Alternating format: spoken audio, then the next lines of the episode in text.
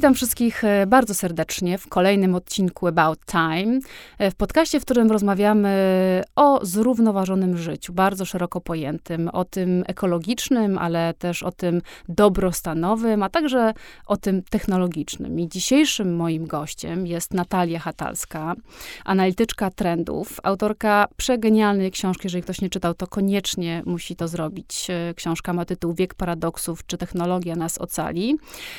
Natalia jest też założycielką i SEO badań nad przyszłością Future Institute. Dzień dobry, Natalio. Dzień dobry, cześć Ania. Cześć. Natalia, e, tak jak mówiłam na początku, e, tutaj w tym podcaście rozmawiamy o takiej równowadze i o tym, jak tą równowagę i ten balans w życiu znaleźć, tak żeby nie niszczyć planety, być człowiekiem i przetrwać. Ty jesteś specjalistką od trendów, trochę od technologii. Powiedz, czy ty w ogóle widzisz taką rozwojową możliwość tego balansu między naturą i technologią? Hmm, hmm. No, ja może bym odpowiedziała trochę na to pytanie naokoło, y, bo nawet jak teraz słuchałam tego Twojego pytania i wprowadzenia, to wymieniałaś po kolei, jak zachować balans pomiędzy różnymi y, częściami naszego życia, czyli pomiędzy ekologią, technologią, człowieczeństwem i tak. Y, I myślę sobie, że my mamy taką tendencję do patrzenia na świat jako właśnie taki zbiór luźnych elementów. A to, co jest nam potrzebne, to to, że musimy pamiętać, że świat jest po pierwsze systemem, a po drugie systemem zamkniętym. System zamknięty działa w taki sposób, że wszystko zależy od siebie. Nawet jeżeli to są rzeczy oddalone w czasie albo oddalone od siebie w przestrzeni. I to oznacza, że nie możemy oddzielać na przykład technologii od natury, natury od człowieka, bo y, każda z tych rzeczy ma na siebie bezpośredni wpływ. Więc to jest jedna rzecz, że jeżeli pytamy, czy możemy połączyć technologię z naturą, no to, to one naturalnie są już ze sobą połączone. A druga kwestia jest taka, że mamy taką tendencję do patrzenia na, w kontekście naszego postępu, jako świata, jako ludzi, to mamy taką tendencję do patrzenia na to, że, że większość rzeczy załatwi nam technologia, czyli jak opieramy nasz optymizm o to, y, y, co będzie działo się ze światem, to ten optymizm opieramy głównie o technologię. I też musimy pamiętać, że technologia oczywiście jest bardzo nam pomocna i ona wiele problemów rozwiązuje, ale też wiele y, problemów y, generuje. Natomiast technologia nie jest w stanie rozwiązać niektórych problemów. Na przykład, jeżeli weźmiemy sobie taką kwestię jak wojna, nie chciałabym zabrzmieć kontrowersyjnie, ale yy, wiadomo, że technologia, no nie wiem, możemy mieć więcej dronów, możemy mieć więcej czołgów, bardziej nowoczesną broń. Czyli teoretycznie na takim pierwszym poziomie moglibyśmy powiedzieć, że technologia tak pomoże wygrać albo przegrać wojnę. Yy, natomiast na poziomie głębokim, dlaczego w ogóle wojny istnieją, po co one są yy, realizowane, czy po co one są wywoływane, to technologia tego problemu nie rozwiąże. Drugi problem, taki no, który tak samo nas dotyka, ale na takim bardziej indywidualnym poziomie, e, to jest kwestia samotności. My dzisiaj jesteśmy społeczeństwem bardzo samotnym e, i technologia też tego problemu nie rozwiąże. Czyli to, co nam dzisiaj jest potrzebne, e, ja o tym od jakiegoś czasu mówię, czyli oprócz postępu technologicznego, dzisiaj jest nam po prostu potrzebny postęp społeczno-kulturalny, czyli pewnego rodzaju zmiana myślenia, postępowania. Mhm. E, przejdziemy na pewno tej samotności, bo też sporo pisać tym w swojej książce i to wydaje mi się rzeczywiście bardzo ważny temat. Ale jeszcze wrócę do tego balansu, bo rzeczywiście y, y, nie ma tak, że to są dwa oddzielne światy, ta natura i technologie. tak jak powiedziałaś, ten człowiek trochę jest w centrum tego i pewnie w jakiś sposób to łączy. Natomiast ja, y, mnie ciekawi, czy, czy jest, no bo jest coś takiego, jak się patrzy na to, co się dzieje z ekologią, z planetą, że jednak ta szala przewagi, e, nie wiem, zainteresowania albo e, w ogóle takiej kontroli nad światem jednak przechyla się trochę w stronę tej technologii. I czy ty myślisz, że to jest e, nieuniknione, że to pójdzie w tą stronę, czy jednak jakoś ten balans, no nie wiem, zachowamy, tak, żeby, żeby było porówno w takiej symbiozie, żeby funkcjonowały te dwa elementy naszej rzeczywistości? E, no, trudno mi jest powiedzieć. E, ja wierzę też w to i też to często mówię, że przyszłość jest jedynym miejscem, e, które wciąż możemy zmienić. Jest, przyszłość to nie jest coś takiego, co się wydarza, na co my musimy czekać. Przyszłość jest konsekwencją naszych działań tu i teraz.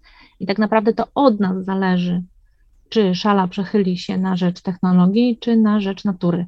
Ja głęboko wierzę, mimo że jestem fanką technologii i zajmuję się badaniem technologii, ale też jestem geekiem, to jednak no, uważam, że człowiek nie jest w stanie istnieć bez natury. Natura jest nam niezbędna i my widzimy, że, nie wiem, takie książki jak Ostatnie Dziecko Lasu czy Lasoterapia, one mówią o tym, że przez to, że my tracimy kontakt e, z naturą, to wiele problemów, z którymi dzisiaj się zmagamy, czyli e, mówię właśnie też o samotności, o stanach depresyjnych, o stanach lękowych, one wynikają właśnie z braku kontaktu z naturą.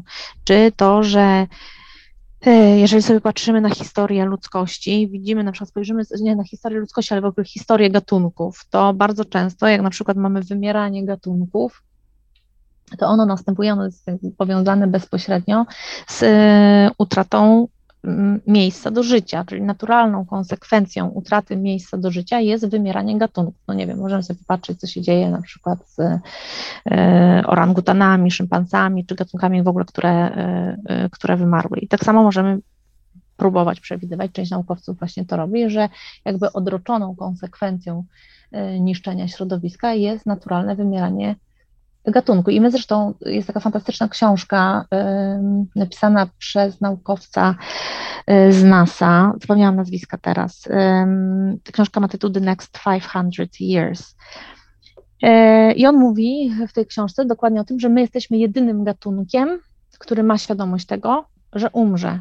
To wynika z tego, że po prostu Ziemia za ileś miliardów lat po prostu naturalnie dojdzie do swojego kresu, tak? czyli y, słońce wybuchnie, spali ziemię i my przestaniemy istnieć. No i on uważa, że to jest y, powód do tego, że jako gatunek, wiedząc o tym, że nie przetrwamy, powinniśmy szukać innego miejsca w kosmosie, tak zwanego planu B. Więc tak, jesteśmy gatunkiem, który na pewno, który na pewno kiedyś zginie. Pytanie, czy później, czy, czy szybciej. Tak, jeszcze tak jak powiedziałaś, że mm, tak naprawdę to będzie konsekwencja tego, co zrobimy tu i teraz. No i teraz pewnie to, co robimy tu i teraz, jest związane z tym, co, o czym też powiedziałaś, czyli o tym postępie społeczno-kulturalnym, dlatego że to my jesteśmy e, decydentami jeszcze na razie, może kiedyś będzie to AI, ale jeszcze do, na tą chwilę jesteśmy my. No i teraz, co ty uważasz warto żeby się zmieniło w tym, w tym postrzeganiu świata, właśnie w, tym, w, tej, jakby w tej naszej społeczności, żeby ten świat y, przetrwał jak najdłużej. No na poziomie takim społeczno-kulturowym ja bym powiedziała, że to są cztery rzeczy. Pierwsza rzecz to jest to, że powinniśmy się nauczyć jako ludzie patrzenia daleko w przyszłość, ale patrzenia nie takiego, jak patrzą dzisiaj, e, no nie wiem, Elon Musk i inni miliarderzy, czy, czy właściciele spółek technologicznych, którzy właśnie stwierdzają, że musimy teraz kolonizować inne planety, czy tam snują wizję podboju kosmosu, e, cyborgizacji człowieka i tak dalej. To, nie o to chodzi mi w kontekście patrzenia w przyszłość. Chodzi mi o to właśnie, żebyśmy zrozumieli to, o czym mówiłam wcześniej, że przyszłość to nie jest coś, co jest daleko i co jest niezależne od, od nas, wręcz odwrotnie przyszłość jest bezpośrednią konsekwencją naszych e, działań. I powinniśmy też e, rozumieć, że przyszłość warto zmieniać, bo mamy często takie myślenie, że mówimy, ok, no dobrze, no to ale po co ja mam to robić? E, I myśleć o przyszłości, która tam się wydarzy za 20 czy 30 lat, czy tam za 50 lat, kiedy mnie za 50 lat już nie będzie na świecie, więc ten problem mnie nie będzie dotyczył, ale wtedy warto pamiętać, że na tym świecie zostaną nasze dzieci i nasze wnuki. E, I zakładam, że wszystkim nam zależy na dobru naszych dzieci i naszych wnuków. I ostatnio zrobiłam sobie taką analizę, czyli policzyłam, jaką powinniśmy przyjmować perspektywę czasową, żeby mieć pewność, że e, nasze dzieci i nasze wnuki będą żyły w dobrym świecie, czyli że ten świat, czyli o, o, o jakiej perspektywie czasowej powinniśmy myśleć w kontekście konsekwencji naszych działań tu i teraz. Mhm.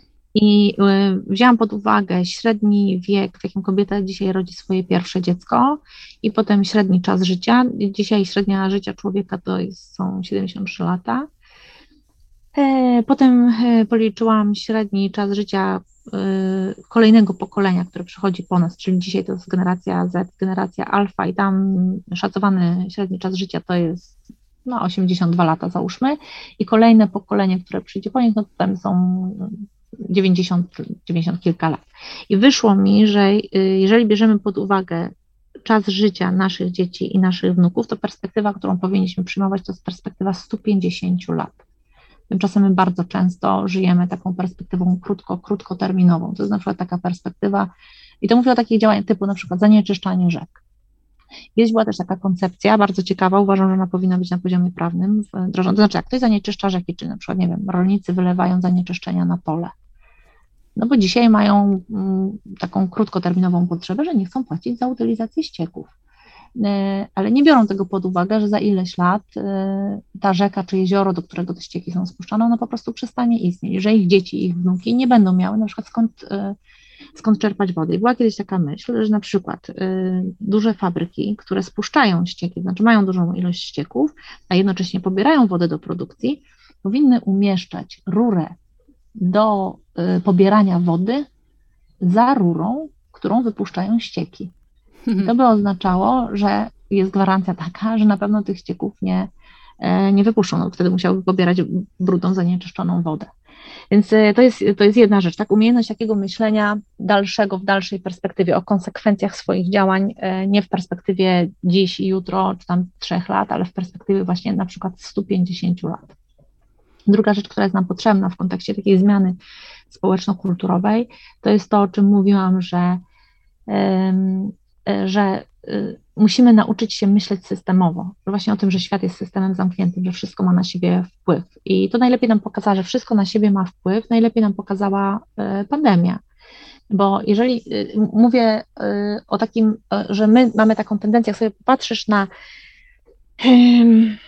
na taki, jakbyś, nie mogę ci pokazać, ale gdybyś miała taki wykres, że masz oś pionową i oś poziomą. Oś pozioma to jest czas, czyli w jakim czasie y, interesują nas rzeczy. Czyli tutaj mamy blisko, to jest perspektywa jednego dnia czy tam tygodnia, potem mamy perspektywę trzech lat, czy tam pięciu lat, potem perspektywę właśnie życia naszych dzieci i potem długą perspektywę. A na osi pionowej mamy y, przestrzeń, czyli y, rzeczy, im bliżej punktu zero, to są rzeczy na przykład dotyczące mojego domu, mojej pracy, y, mojej rodziny. Potem troszeczkę wyżej na osi pionowej jest y, nie wiem, załóżmy mój kraj, y, albo nie wiem, moje miasto, mój kraj, na, jeszcze wyżej w kontekście przestrzeni jest świat i potem jeszcze wyżej gdzieś tam nad tym światem w ogóle jest jakaś globalna, kosmiczna perspektywa. I teraz jak łączy się, porównuje się teraz te dwie osie, czyli czas z przestrzenią, to robią nam się takie kwadratoprostokąty.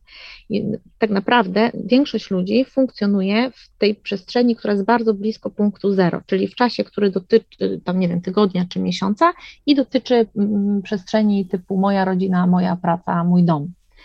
Y, natomiast nie bierze pod uwagę, albo bardzo rzadko, albo bardzo niewielu ludzi bierze pod uwagę rzeczy, które dzieją się daleko, o których powiedziałam, ale też y, w sensie daleko w czasie, ale też daleko w przestrzeni a my wiemy, że te rzeczy, które dzieją się daleko w przestrzeni, mają bezpośredni wpływ na nasze życie. Weźmy wojnę na Ukrainie e, i mamy tam rolnika, który mieszka na Ukrainie i zasiał pole. Nie martwił się, jak to, czy to zboże wyrośnie, czy jest odpowiednia ilość wody, czy jest odpowiednia ilość nawozu i tak dalej. I następnie to pole zostało zbombardowane. Czyli rzecz, która jest daleko od niego, na którą nie ma wpływu, wpłynęła na, na, e, na jego bezpośrednie życie, na jego bezpośrednią pracę. Dzisiaj wpływa wojna na Ukrainie, która jak jesteśmy w Polsce, no to w zależności od tego, w którym miejscu w Polsce jesteśmy, no to jest od nas tam set, albo tam kilkadziesiąt, albo 150, albo 200 kilometrów, albo tam 500.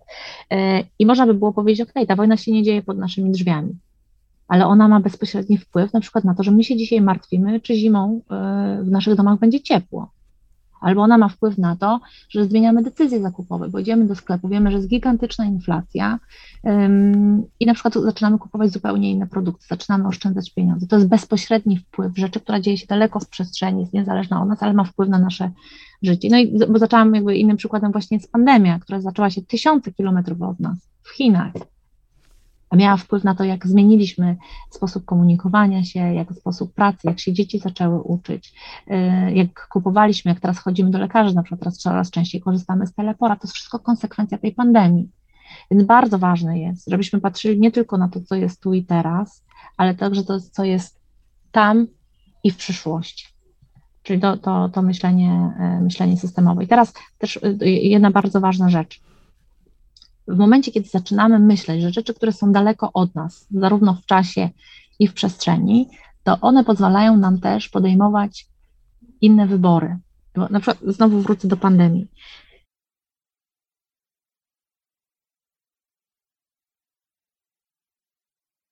Pandemia y, COVID-19 y, nie była pierwszą pandemią, to może na taką skalę, ale mieliśmy wcześniej y, epidemie, które się zdarzały nie wiem, ptasia grypa, świńska grypa i tak dalej i z pewnością nie jest y, ostatnią pandemią. No, zresztą mówi się, że XXI wiek to jest wiek właśnie pandemii. No i teraz my, wiedząc, że mamy do czynienia z pandemiami, że to wpływa na nasze codzienne życie, radzimy sobie y, w taki sposób, że produkujemy szczepionki. I teraz, żeby to źle nie zabrzmiało, szczepionki to jest absolutnie jedno z największych technologicznych osiągnięć człowieka. Y, one są ekstremalnie ważne, ale one tak naprawdę nie eliminują problemu pandemii. One tylko, y, można powiedzieć, że leczą efekty, czyli mamy jakiś symptom i ten symptom zostaje y, wyeliminowany. Bo jakbyśmy się na głębokim poziomie znowu zastanowili, skąd się biorą pandemie, to po pierwsze, pandemie biorą się z utraty bioróżnorodności, czyli człowiek zaczyna wchodzić w obszary, które, w które wcześniej nie wchodził, i też y, jest taka teoria, że to jest po prostu zemsta natury, na człowieku, który po prostu za, za, zawłaszcza coraz większe połacie e, ziemi, coraz bardziej je niszczy i w związku z tym e, w efekcie my mamy, e, mamy pandemię. Ale druga rzecz jest taka, że pandemie najczęściej mają swój początek i najszybciej rozpro, rozprzestrzeniają się w miejscach, gdzie ludzie nie mają na przykład dostępu do wody, gdzie nie mają dostępu do pomocy lekarskiej, gdzie nie mają spełnionych warunków sanitarnych. E, gdzie, je, e, gdzie panuje ubóstwo, gdzie panuje przeludnienie. I teraz, jeżeli weźmiemy pod uwagę, gdzie tak się dzieje, to my wiemy, że to się dzieje głównie w krajach azjatyckich i krajach afrykańskich, które są daleko od nas. Moglibyśmy powiedzieć, co mnie te kraje obchodzą, ale właśnie e, obchodzą nas, chociażby z tego, nawet jeżeli chcielibyśmy być egoistami, że powinniśmy wyeliminować problemy, które są w tych krajach, tak jak ubóstwo, przeludnienie, e, e, brak pomocy lekarskiej, e, kwestie wody i tak dalej, właśnie po to, żebyśmy, żebyśmy mogli też zadbać o, o samych siebie, czyli dbając o ludzi, tych, którzy są daleko od nas, dbamy też o siebie. To były dwa punkty. Chcesz kontynuować? Tak. Czy mogę zadać pytanie dotyczące nie, może tego? Właśnie, tak, nie, nie, jak najbardziej. tak się zatrzymałam, bo właśnie bardzo dużo mówię. Nie, a to fantastycznie. To właśnie o tym jest ten podcast, że ty mówisz, a my słuchamy. E, Natalia, no, wiesz co, bardzo do mnie przemawia ta, ta idea tego, że jesteśmy takim systemem naczyń połączonych i to, co daleko tak naprawdę realnie ma na nas wpływ. Ale dlaczego jest tak, że tak naprawdę nie bierzemy za to odpowiedzialności? Myślisz, że to z czego wynika? Z ludzkiej natury? No bo trudno mi jest myśleć... Yy, Pewnie by było idealnie, gdyby każdy z nas myślał tak, jak ty mówisz, yy, prawda, i robił pewne rzeczy, yy, myśląc o przyszłości, po to, żeby uratować siebie tu i teraz. Tylko tak się nie dzieje. Z czego to wynika? E, myślisz? To wynika z bardzo wielu powodów. Z tego chociażby właśnie, że nikt nas nie uczy. Ja nie pamiętam, żeby mnie w szkole ktoś uczył tego, żeby patrzeć na świat jako system. To się jeszcze bierze z czasów y, oświecenia. Y, myśli kartezjańskiej, czyli takiej myśli, która mówiła o tym, że żeby poznać system, wystarczy znać poszczególne jego elementy. Czyli myśmy tak rozumieli świat. Aha, no to żeby zrozumieć cały świat, musimy wiedzieć, osobno jest fizyka, osobno jest biologia, osobno jest geografia i tak dalej. Jak się złączy te wszystkie elementy, no to znamy świat. tak trochę jak, nie wiem, idziesz do lekarza i idziesz do ginekologa, ale on tak naprawdę nie pyta cię na przykład o co, co jest sercem, no bo tym się zajmuje kardiolog a my wiemy, że organizm też jest skomplikowanym systemem naczyń połączonych i być może często jest tak, że, y, no nie wiem, y, kwestia y, złamania nogi ma wpływ na produkcję hormonów i na przykład może to spowodować zaburzenia cyklu menstruacyjnego. E, ale nikt tak nie myśli, tak? Czyli ortopeda nie mówi do ciebie, wie pani co, złamała pani nogę, jeszcze musi pani brać leki przeciwzakrzepowe, więc prawdopodobnie może to wpłynąć na pani, e, e, na pani miesiączkę. Tak? Nie, on się interesuje tylko złamaną nogą. I teraz, kiedy my funkcjonujemy w takim świecie, który jest silosowy, no to my tak go rozumiemy, no to jest taki silos. Interesuje nas jeden taki wybrany wycinek. A a to jest niezwykle istotne, żebyśmy nauczyli się myśleć w taki sposób o świecie, że wszystko ma na siebie wpływ, zwłaszcza dziś w obliczu ogromnych, ogromnych wyzwań. E, bo kiedy stoimy w takim obliczu, bo my dzisiaj żyjemy w świecie kryzysu, tak? To mamy kryzys energetyczny, kryzys żywnościowy, kryzys e, surowcowy, kryzys gospodarczy, e, kryzys zdrowotny, no, miliony kryzysów które się na siebie nakładają.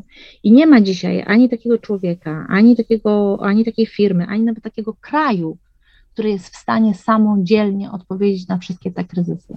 Dlatego nam, i to jest kolejna, trzecia rzecz, która jest nam dzisiaj potrzebna, to jest właśnie umiejętność, yy, taka solidarność i wspólnota. I znowu, i to jest kolejna przyczyna, dla której my tak nie myślimy, bo my oprócz tego, że żyjemy w świecie silosowym, to żyjemy jednak w świecie, którego konstrukcja opiera się o podziały i o rywalizację. I ta rywalizacja jest widoczna na każdym poziomie. Tak widzimy, zaczynamy, dzieci w szkole rywalizują, w sporcie rywalizujemy, w biznesie rywalizujemy, bo mamy konkurencję, na uczelni rywalizujemy, nie chcemy opowiadać o swoich pomysłach, że przypadkiem nam ich ktoś nie zabrał, między krajami rywalizujemy, rywalizujemy, tym bardziej, że żyjemy w świecie kończących się zasobów, a kiedy kończą się zasoby, no to wtedy walka jest jeszcze bardziej bezwzględna, więc y, to jest bardzo trudne, i, I dodatkowo jeszcze mamy kwestie zmian technologicznych, które pogłębiają na przykład polaryzację, które powodują napięcia społeczne, które wrzucają nas w bańki informacyjne. No i przez to niestety nie możemy jako świat funkcjonować e, jako wspólnota, tylko mamy raczej takie tendencje oddzielające się, okopywania się. Dokładnie tak. Zastanawiam się, wiesz, słuchając ciebie, że rzeczywiście to, co mówisz, yy, wszystko ma ogromny sens. Tylko zastanawiam się teraz, co jest tak naprawdę potrzebne, żeby ludzie to zrozumieli. Czy my potrzebujemy jakiegoś współczesnego kartezjusza, który nam powie, że jest odwrotnie, my wszyscy mu wierzymy i rzeczywiście zaczniemy myśleć tak, jak mówisz, bo dokładnie tak jest. Jakby świat zbudowany ze skrawków, bez rozumienia ich połączeń, tak naprawdę nigdy nie jest takim pełnym obrazem, który jesteśmy w stanie zrozumieć i w którym jesteśmy w stanie uczestniczyć. I rzeczywiście ten świat też taki spolaryzowany, tak jak mówisz, to wszystko działa, ale czy, czy w ogóle ty masz jakiś pomysł na to, jak to zmienić? Czy to można zmienić? Czy to, nie wiem, dokona się właśnie jakoś ewolucyjnie? E, ja wierzę bardzo w siłę edukacji. E, to jest też moja misja i pewnie dlatego też się zgodziłam e, rozmawiać z Tobą dzisiaj, czy biorę udział w podcastach, czy występuję i, i bardzo często w swoich wystąpieniach na ten temat mówię. I uważam, że jak najwięcej ludzi powinno mówić dzisiaj o, o tym, że jesteśmy zależni od siebie, że tak naprawdę nie powinniśmy dbać tylko o planetę, o środowisko, o tym się mówi bardzo dużo. Nie powinniśmy tylko dbać o dobrostan, o rozwój gospodarczy, ale powinniśmy też dbać nawzajem o siebie. My jesteśmy od siebie zależni. Każdy człowiek od drugiego człowieka. I w interesie każdego z nas jest to, żebyśmy. Nie, nie, jak popatrzysz sobie na filmy Mad Maxowe, e, na filmy science fiction, a zwłaszcza na taki film e, jak Mad Max, i tam e, przychodzi apokalipsa, to nie jesteś w stanie przetrwać apokalipsy sama. Tam zawsze jest większa grupa ludzi, po prostu, którzy muszą ze sobą współpracować. Więc ja nie mówię, że nas czeka apokalipsa, bo też nie chcę no, jakby nas straszyć, ja jednak mam w sobie taką nadzieję. Jest taka, ostatnio przeczytałam taką piękną książkę e, Jonathana Lira, on jest profesorem filozofii i jednocześnie psychoanalitykiem. On napisał taką książkę Rady, Nadzieja Radykalna, która mówi o tym, że e, nadzieja radykalna mówi ci o tym, żeby wierzyć w przyszłe dobro, że się wydarzy przyszłe dobro, dobro nawet jeżeli dziś nie wiesz, czym to dobro miałoby miałoby być. Natomiast to nie jest tak, że nadzieja radykalna to jest taki pusty optymizm, który mówi, ok, dobra, to nie widzimy tych problemów, zamykamy teraz oczy, nic się nie dzieje i teraz będziemy wierzyć w to, że wszystko będzie dobrze. No nie, tutaj chodzi o to, że tak, jesteśmy w kontakcie z naszą rzeczywistością, wiemy, że jest wiele kryzysów, y, mamy wiele problemów do rozwiązania, wierzymy, że jesteśmy w to w stanie rozwiązać, ale możemy to rozwiązać tylko razem taki rodzaj zaufania, prawda? No bo to właśnie dla mnie też nawet jest bardziej nie nadzieja, tylko takie zaufanie do tego, że, e, że ta przyszłość jednak e, no, na koniec będzie dobra, chociaż tak jak powiedziałaś, nie wiemy do końca, co to dobra e, będzie kiedyś znaczyć.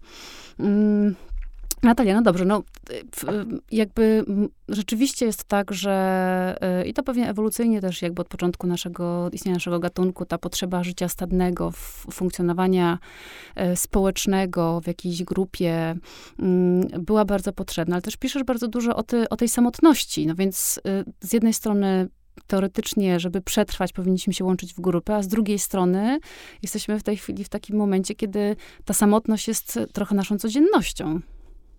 Mhm. No, też wynika z tego, jak my budujemy dzisiaj relacje. Jednak większość to też pandemia bardzo mocno nasiliła, czyli budujemy relacje, yy, wiele relacji online za pomocą technologii, czyli to są kontakty, które są kontaktami zapośredniczonymi, to nie są kontakty bezpośrednie. I niezależnie od tego, że ja też używam tego typu narzędzi i w ten sposób buduję y, kontakty, czy jestem w kontakcie z innymi osobami, to musimy pamiętać, y, i mimo, że takie relacje, które dzieją się online, nas emocjonalnie bardzo mocno poruszają, czyli no nie wiem, jak jestem młodą osobą, mam nie wiem, 18 lat, i, no, ale nawet wcale nie muszę być młoda, tak? Mogę mieć też 40 czy 45, a jestem w jakiejś relacji i nagle, nie wiem, kończę tę relację i ktoś mnie przestaje obserwować na Instagramie albo w innym miejscu, albo mi coś tam doda, albo nie skomentuje, albo jakkolwiek, to nas to bardzo mocno emocjonalnie porusza. Ale mimo tego emocjonalnego poruszenia musimy pamiętać, że jednak te relacje są płytkie. Prawdziwą, głęboką relację możesz zbudować z drugim człowiekiem tylko w fizycznym, fizycznym, bliskim kontakcie, na przykład patrzeniem sobie w oczy, dotykiem fizycznym, e, byciem blisko. I teraz e, Natomiast takie budowanie relacji w fizycznym świecie jest też bardzo trudne, bo ono wiąże się z dużym ryzykiem odrzucenia i do takiego bezpośredniego odrzucenia. Jak jesteś odrzucona przez internet, to może to trochę mniej boli, no bo jednak możesz się zawsze schować za, za ekranem y, komputera czy za ekranem y, telefonu. I przez to, że te relacje są płytkie, a my jako ludzie jesteśmy stworzeni, co zresztą powiedziałaś, do budowania, tak jak sobie patrzymy na konstrukcję naszego mózgu, taką biologiczną konstrukcję, to można powiedzieć, że główny cel, po co my jesteśmy na świecie, to jest właśnie budowanie relacji z innymi ludźmi. I teraz w momencie, kiedy te relacje, jakby ta potrzeba nie jest realizowana, no to właśnie mamy duże poczucie y, samotności. Y, chociaż właściwie nawet nie użyłabym słowa samotność, tylko osamotnienia, bo samotność to jest umiejętność bycia ze sobą, w kontakcie ze swoimi myślami i samotność nam jest potrzebna właśnie po to, żebyśmy mogli budować też lepsze relacje z innymi. Czyli dzięki takim samotnym chwilom bez bodźców mamy większą możliwość poznania samych siebie, y, pozna, rozpoznania swoich potrzeb, a dzięki temu, że lepiej znamy siebie, to jesteśmy też lepszymi partnerami dla innych. E, więc bardziej bym mówiła o epidemii osamotnienia niż samotności.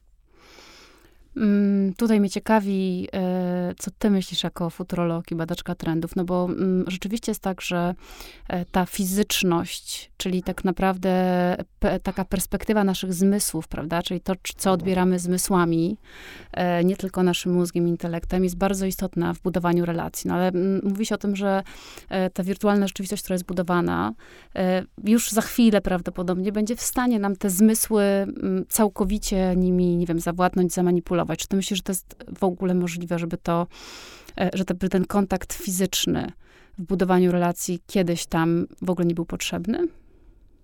Nie, nie sądzę, że dojdziemy do chyba, że nie, nie wiem, całkowicie już przestaniemy być takimi ludźmi, jakimi jesteśmy dziś.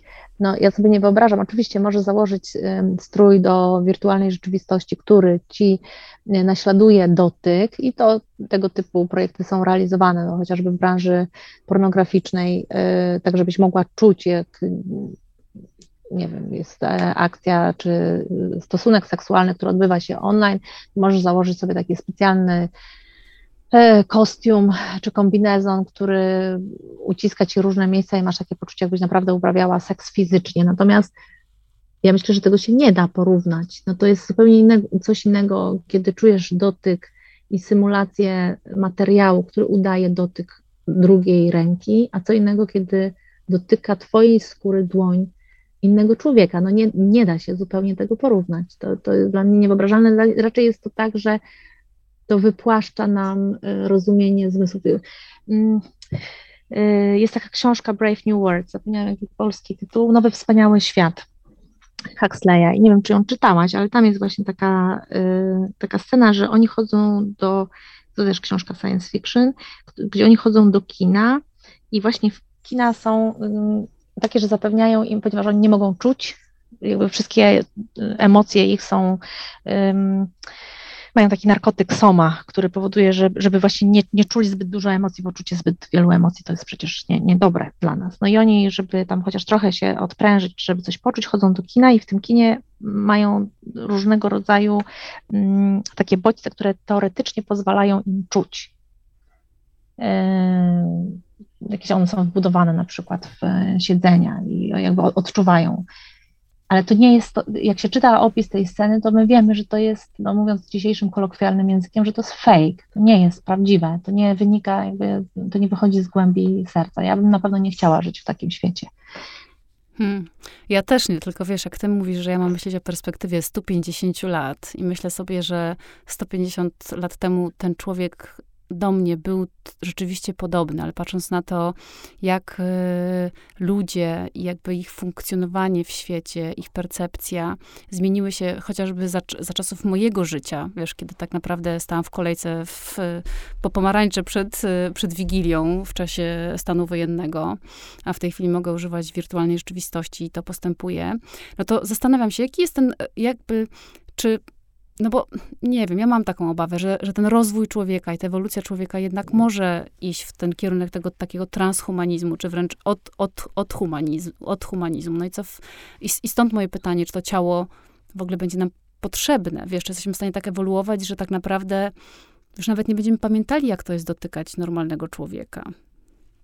No, ja bym, y, zaraz odpowiem na to pytanie, czy ciało nam jest potrzebne, ale odpowiem na to pytanie, bo oczywiście jak sobie patrzymy, jak wyglądał człowiek 150 lat temu i dziś, no to on pewnie się od nas bardzo różnił y, pod wieloma względami, ale jak sobie spojrzymy na to, jakie miał wartości, co było dla niego ważne, czym się martwił, to myślę, że to w żaden sposób nie było różne od tego, y, czym my się dzisiaj martwimy, albo co dla nas dzisiaj jest ważne. I w wakacje, w tym roku wakacje byłam w Paestum. To jest e, w południowych Włoszech taka, taka malutka miejscowość, gdzie odkopano grób sprzed 4000 lat. I w tym grobie znaleziono fresk, narysowany, tak zwany, no nazwany grób nurka. I na tym fresku namalowany jest człowiek, który skacze z trampoliny do wody. Jak patrzysz sobie na tę ilustrację, to to jak patrzysz na nią jak na współczesną ilustrację, no w ogóle nie, nie, nie, nie myślisz, że to, to, to jest ilustracja sprzed 6 tysięcy lat. Jak patrzyłam na tę ilustrację, to sobie pomyślałam, że człowiek tak naprawdę przez całe swoje istnienie się nie zmienił. On się bawił, y, bo prawdopodobnie w tym grobie została pochowana osoba, która właśnie być może była jakimś super nurkiem albo super pływakiem, która właśnie tak spędzała czas i tak ją te osoby zapamiętały, że jej ten fresk namalowały my jako ludzie się przez tyle tysięcy lat nie zmieniamy. To, co mamy w sercu, to, o czym myślimy, to, co jest dla nas ważne, to jest wciąż takie samo.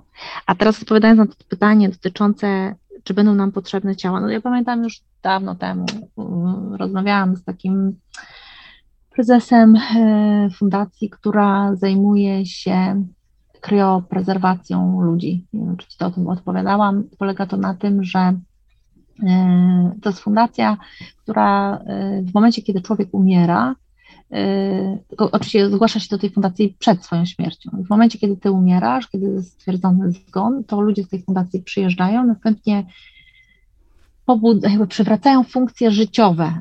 Tak chodzi o to, żeby zaczęła krążyć krew w ciele tego człowieka, który umarł, następnie wypompowują około 80% krwi i wypełniają ciało tego człowieka takim płynem, który można porównać do płynu do spryskiwarek, którego używamy zimą. Chodzi o to, że to jest taki płyn na niskie temperatury.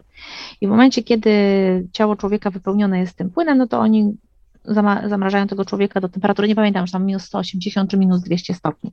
I jak rozmawiałam z, z prezesem tej fundacji, to on mi mówił wtedy, że 80% ich pacjentów to byli tak zwani neuropacjenci.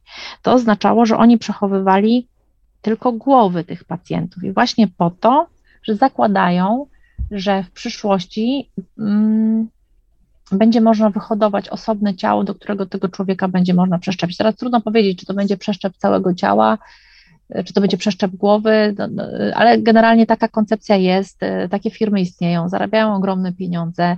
Mamy cały obszar związany z technologiami HED, czyli Human Enhancement Technologies, czyli technologie właśnie, które mają usprawniać człowieka i my mm, znowu mamy, y, no nie wiem, ja mam wmontowane w kolano tytanowe nici po operacji, po wypadku na nartach, y, no i można powiedzieć, że w pewnym sensie jestem cyborgiem, bo mam jakąś tam niebiologiczną część w swoim ciele.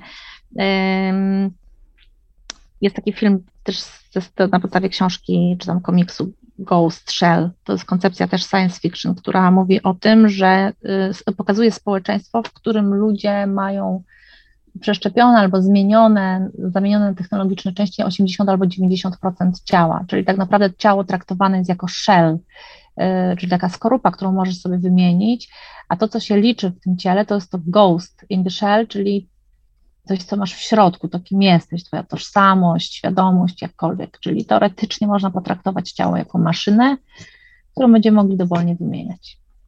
Hmm.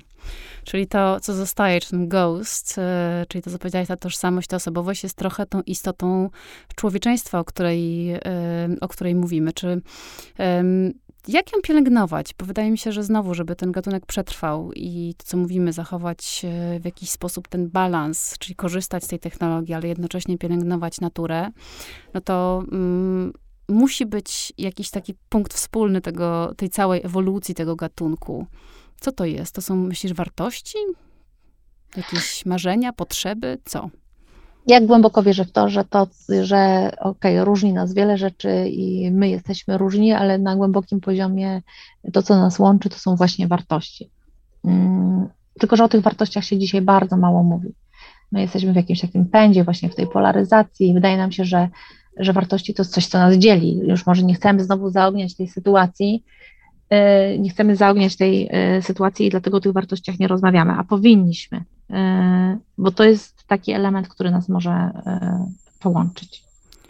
Mm, wartości, czyli co? No bo wiesz, jak mówi się wartości, no to no dobrze, rodzina, szczęście, miłość, no to są takie bardzo uniwersalne słowa, które czasami są wydmuszkami i nic nie mówią. Czy masz na myśli inne wartości? Nie, właściwie mam takie na, na myśli. Robiliśmy nie pamiętam, w listopadzie zeszłego roku, czyli rok, e, rok temu robiliśmy e, takie badanie dotyczące tego, jakie, co, co łączy ludzi. E, I właśnie Polacy wymieniali wtedy wartości, które były dla nich, znaczy po pierwsze uznali, że ponad 70% Polaków, bo to było badanie reprezentatywne dla Polski, ponad 70% Polaków zgodziło się z twierdzeniem, że mimo różnic istnieją takie wartości, które łączą y, ludzi. To było właśnie zdrowie, rodzina, poczucie bezpieczeństwa, tolerancja, miłość.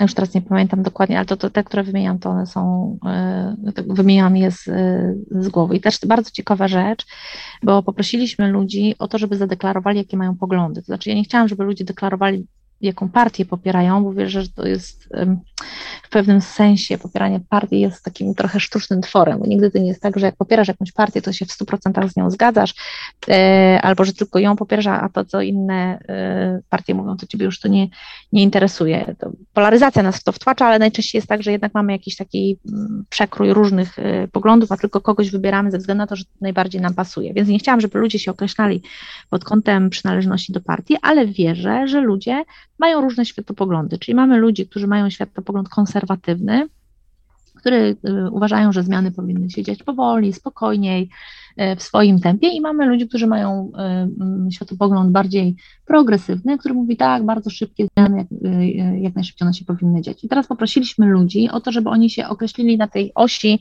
czy są bardziej po stronie konserwatywnej, czy po stronie bardziej progresywnej. Ludzie się określali, a następnie y, odpowiadali na to pytanie, czy zgadzacie się ze zdaniem, że wartości łączą ludzi, że istnieją takie wartości, które łączą wszystkich Polaków, niezależnie od ich poglądów politycznych. No i okazało się, że nie było żadnej różnicy pomiędzy ludźmi, którzy mają poglądy konserwatywne i pomiędzy ludźmi, którzy mają poglądy progresywne.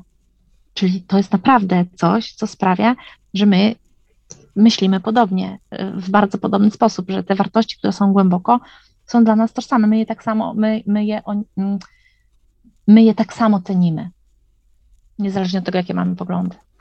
A jakbyś powiedziała, co to są wartości? To są takie, to są takie mm, barometry albo takie wskaźniki, według których tak naprawdę funkcjonujemy i dokonujemy wyborów w świecie? Wartość to jest coś takiego, co y, tak naprawdę, no powiedziałabym może chyba nawet na poziomie nieświadomym, kieruje Twoimi decyzjami. I dobrze by było, gdyby to było też świadome. Czyli my na przykład, no nie mogę powiedzieć na swoim przykładzie, mamy w zespole na ścianie u nas w biurze, mamy spisane wartości, które ustaliliśmy wspólnie jako zespół, które są dla nas e, ważne. I ja na przykład mam coś takiego, że jeżeli naszą jedną z głównych wartości, którymi się kierujemy, jest uczciwość, to ja na koniec dnia zawsze się zastanawiam, ok, to jak ta wartość wpłynęła na moje decyzje dzisiaj? Czy ja na pewno byłam w zgodzie z tą wartością? Y, zresztą ja ją widzę na ścianie przed sobą, więc ona wpływa na podejmowanie przeze mnie decyzji. Czasami przez to podejmuję decyzje, które na przykład są trudniejsze. Y, albo ktoś mógłby pomyśleć, że z punktu widzenia y, biznesowego mogą być nieuzasadnione.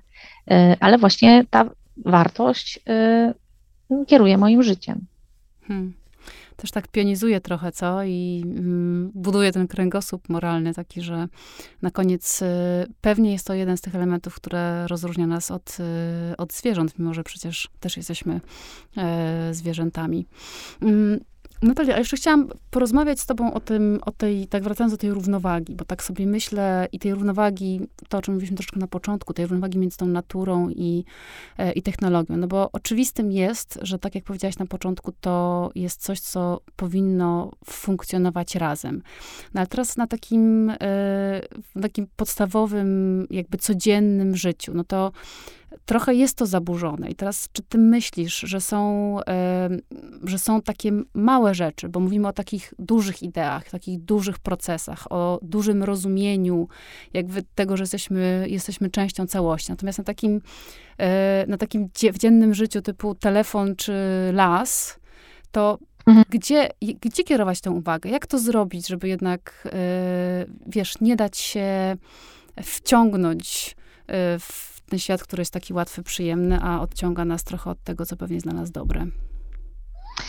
E, no to ja mogę to powiedzieć na swoim przykładzie, bo ja też, to nie jest tak, że ja, nie, że ja tylko tak mogę mówić w teorii, a nie staję przed takimi wyborami. Ja też staję codziennie przed takimi e, wyborami i e, ja jestem, albo byłam, E, tak zwaną hard userką różnego rodzaju technologii, czyli ja korzystam też służbowo z mediów społecznościowych, z, mam miliony powiadomień, dodatkowo mam zegarek, czyli powiadomienia dostaję nie tylko w telefonie, nie tylko w komputerze, ale też na przykład na zegarku. No i mam dwie córki, jedna ma dzisiaj 7 lat, druga ma 11 i one już są w takim wieku, kiedy budowanie relacji z nimi jest trochę inne niż jak się buduje relacje na przykład z dwu czy trzyletnim dzieckiem. I to było półtora roku temu. Y, my mamy taki zwyczaj z moimi córkami, że siedzimy sobie razem w wannie. To jest taki nasz wspólny czas y, i gadamy. Tam czasami potrafimy siedzieć po trzy godziny i ze sobą gadać, tam wtedy wychodzą najlepsze tematy.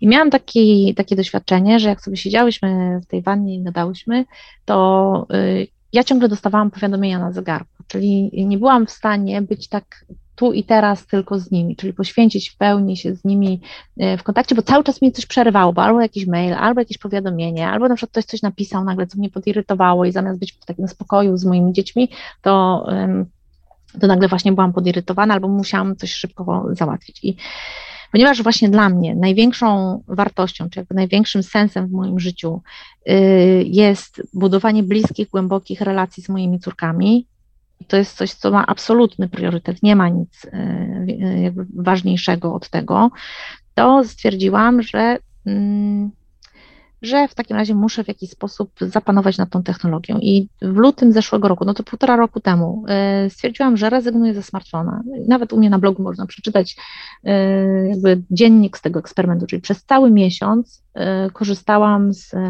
ze starej Nokii i to jeszcze na systemie KOS, czyli takim bardzo prostym systemie, że tak naprawdę mogłam z tego telefonu tylko dzwonić i wysyłać SMS-y.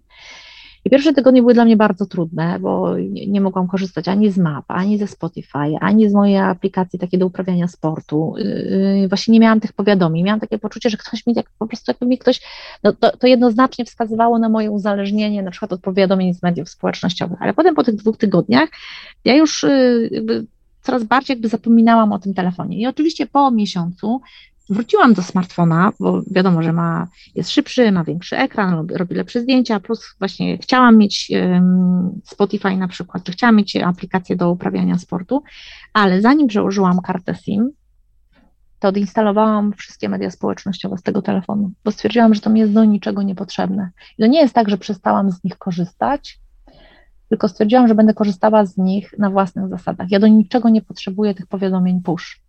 Ja mogę korzystać sobie na przykład wieczorem o 22, kiedy moje dzieci już śpią, mogę sobie sprawdzić, co tam się dzieje w mediach społecznościowych. Jak ja nie zareaguję w danej chwili, w danym momencie, to w żaden sposób e, to nie wpłynie na moje życie, a co więcej, tak naprawdę to pogarsza jakość mojego życia, pogarsza na przykład jakość relacji z moimi dziećmi, bo nie mogę poświęcić im pełnej uwagi. I minęło półtora roku i ja w moim telefonie wciąż nie mam żadnych mediów społecznościowych, czyli jak na przykład moja mama coś mi ostatnio wysłała, jakieś, coś jej się przypomniało na Facebooku i wysłała mi to, taki link do Facebooka, no to ja nie mogłam tego otworzyć niestety, no bo nie mam Facebooka w telefonie. I y, wydaje mi się, że każdy z nas powinien podjąć taką decyzję samodzielnie, czyli zdecydować, y, bo to nie chodzi o to, żeby całkowicie pozbyć się technologii, tylko żeby zacząć z niej korzystać na własnych zasadach, czyli korzystać z niej w taki sposób, żeby ona budowała na przykład to, co jest dla nas ważne. Jeżeli dla mnie są ważne relacje, no to chcę korzystać z technologii tak, żeby ona te relacje budowała, a nie żeby ona y, wpływała na jakość tych relacji w sposób negatywny. Hmm. Czyli umiarkowani taki e, rozsądek, ale też, wiesz, takie, taka uczciwość wobec siebie, prawda? No bo ja jestem przekonana, że mam jakieś 100 aplikacji zamontowanych, których w ogóle nie używam i które prawdopodobnie wysyłają mi jakieś powiadomienia, które tylko mnie e, irytują. I pewnie jakbym zrobiła przegląd, to zostałyby ze trzy, które są e, dla mnie ważne. Ale też powiedziałaś ważną rzecz, że znowu o tych wartościach, że ty się zastanawiałaś, co jest dla ciebie ważne tak naprawdę, prawda? I to był taki powód i barometr tego, y, w jaki sposób sobie z tymi technologiami funkcjonujesz. Czyli co? Czyli trochę jest tak, że co, żeby nie pozwolić tej technologii wejść nam na głowę? No, tak, no ja podam Ci przykład dosłownie z wczoraj. Odebrałam moją młodszą córkę, bo starsza córka akurat jest teraz na tak zwanej brązowej szkole. Brązowa szkoła to jest tak jak zielona szkoła, tylko że jest jesienią, yy, więc yy, mamy taki czas tylko ze sobą. E, no i pojechałyśmy sobie coś zjeść. I ja teraz uczę się włoskiego, a uczę się włoskiego z Duolingo, z taką aplikacją. E, uważam, że jest to super aplikacja, polecam do nauki języków. No i tam między innymi jest coś takiego, że tam się zbiera też punkty. No i mi bardzo zależy, żeby cały czas być w top 3.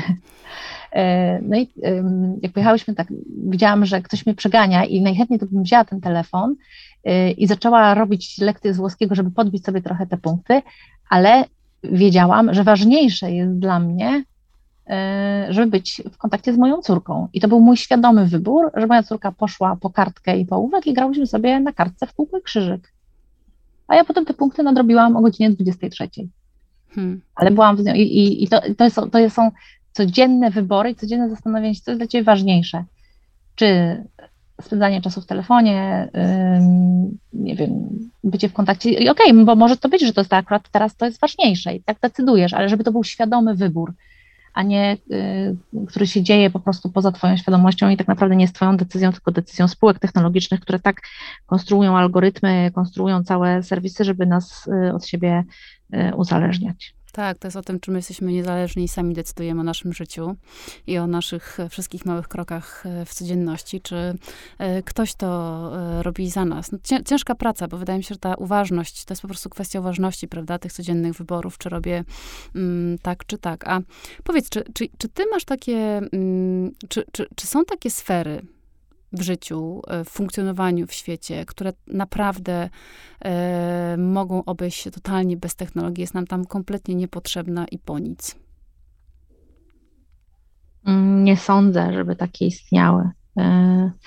Jest taka teoria Kevina Kelly'ego, to Kevin Kelly to taka, ja, jak rozmawiałyśmy poprzednim razem, to pewnie też o nim mówiłam, to jest taki wybitny myśliciel, chyba jeden z najwybitniejszych e, myślicieli technologicznych naszych czasów i on e, twierdzi, a ja się z nim bardzo zgadzam, że technologia nas udomowiła. To nie, że my udomowiliśmy technologię, tylko technologia udomowiła nas. Czyli że gdybyśmy chcieli się dzisiaj pozbyć technologii, to to już jest niemożliwe. Człowiek bez technologii nie przetrwa. I to dotyczy zarówno energii, ale nawet takich prostych technologii. No nie wiem, wyobraźmy sobie, dobra, rezygnujemy z całej zaawansowanej technologii, będziemy teraz mieszkać w lesie, w lepiankach. No to żeby te lepianki chociażby zbudować, też potrzebujemy technologii, tak? Potrzebujemy jakiegoś noża albo jakiejś siekiery, albo co, to też jest technologia. Więc y, uważam, że nie, nie ma takiego miejsca, y, w którym moglibyśmy się całkowicie pozbyć technologii. To nie, nie ma bo nawet w relacji z bliskimi, y, nie wiem, chcesz być w kontakcie, no to telefon jednak jest narzędziem, które ci pomoże. Tak, możesz zadzwonić, albo napisać coś, albo wysłać zdjęcie, pomyśleć o tej osobie, albo być w kontakcie, kiedy jestem, ja nie wiem, wyjeżdżam y, często i jestem na przykład w innym mieście, no to mogę z moimi córkami na przykład rozmawiać przez y, wideo i się widzieć. Czyli nie jest to wybór y, albo, albo, prawda? Czyli to nie jest tak, że jesteśmy w stanie się odciąć i powiedzieć, że to jest złe i teraz, y, nie wiem, będziemy wracać do natury i być y, zwierzętami po prostu. Trochę też tak mam wrażenie, że ten wybór jest niemożliwy, tylko trzeba to jakoś połączyć. I znowu wracamy do tego balansu, prawda? Jak ten balans jednak utrzymać, żeby to, co mówiliśmy, być tym człowiekiem w tym wszystkim, który jest jakiś niezależny i wolny, e, a nie jest tylko jakimś marionetką w, w rękach e, wielkich korporacji technologicznych. No, bardzo ciekawą rzecz powiedziałaś, ja o tym też pisałam w książce, że e, my mamy taką tendencję i nasz świat nas uczy tego, żeby mówić albo, albo, albo dobre, albo zły, albo czarny, albo białe. Nasz świat nie jest światem albo, albo. Nasz świat jest właśnie światem i, i. I dobry, i zły, i czarny, i biały i technologia, i bez technologii.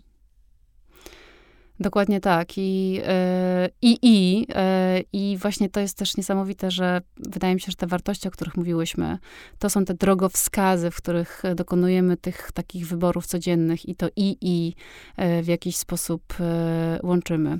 Dziękuję ci bardzo, Natalia. To fantastyczna, tak się poczułam, wiesz, podczas tej rozmowy, mm, dałaś mi taką fantastyczną perspektywę na to, że rzeczywiście jest tak, że ten świat jest systemem i że wszystkie naczynia są połączone. I to jest bardzo wzmacniające, bo, bo to daje też takie poczucie sprawczości, że ode mnie też dużo zależy. I pomyślę sobie tak o tej perspektywie 150 lat. Dziękuję. Dzięki wielkie.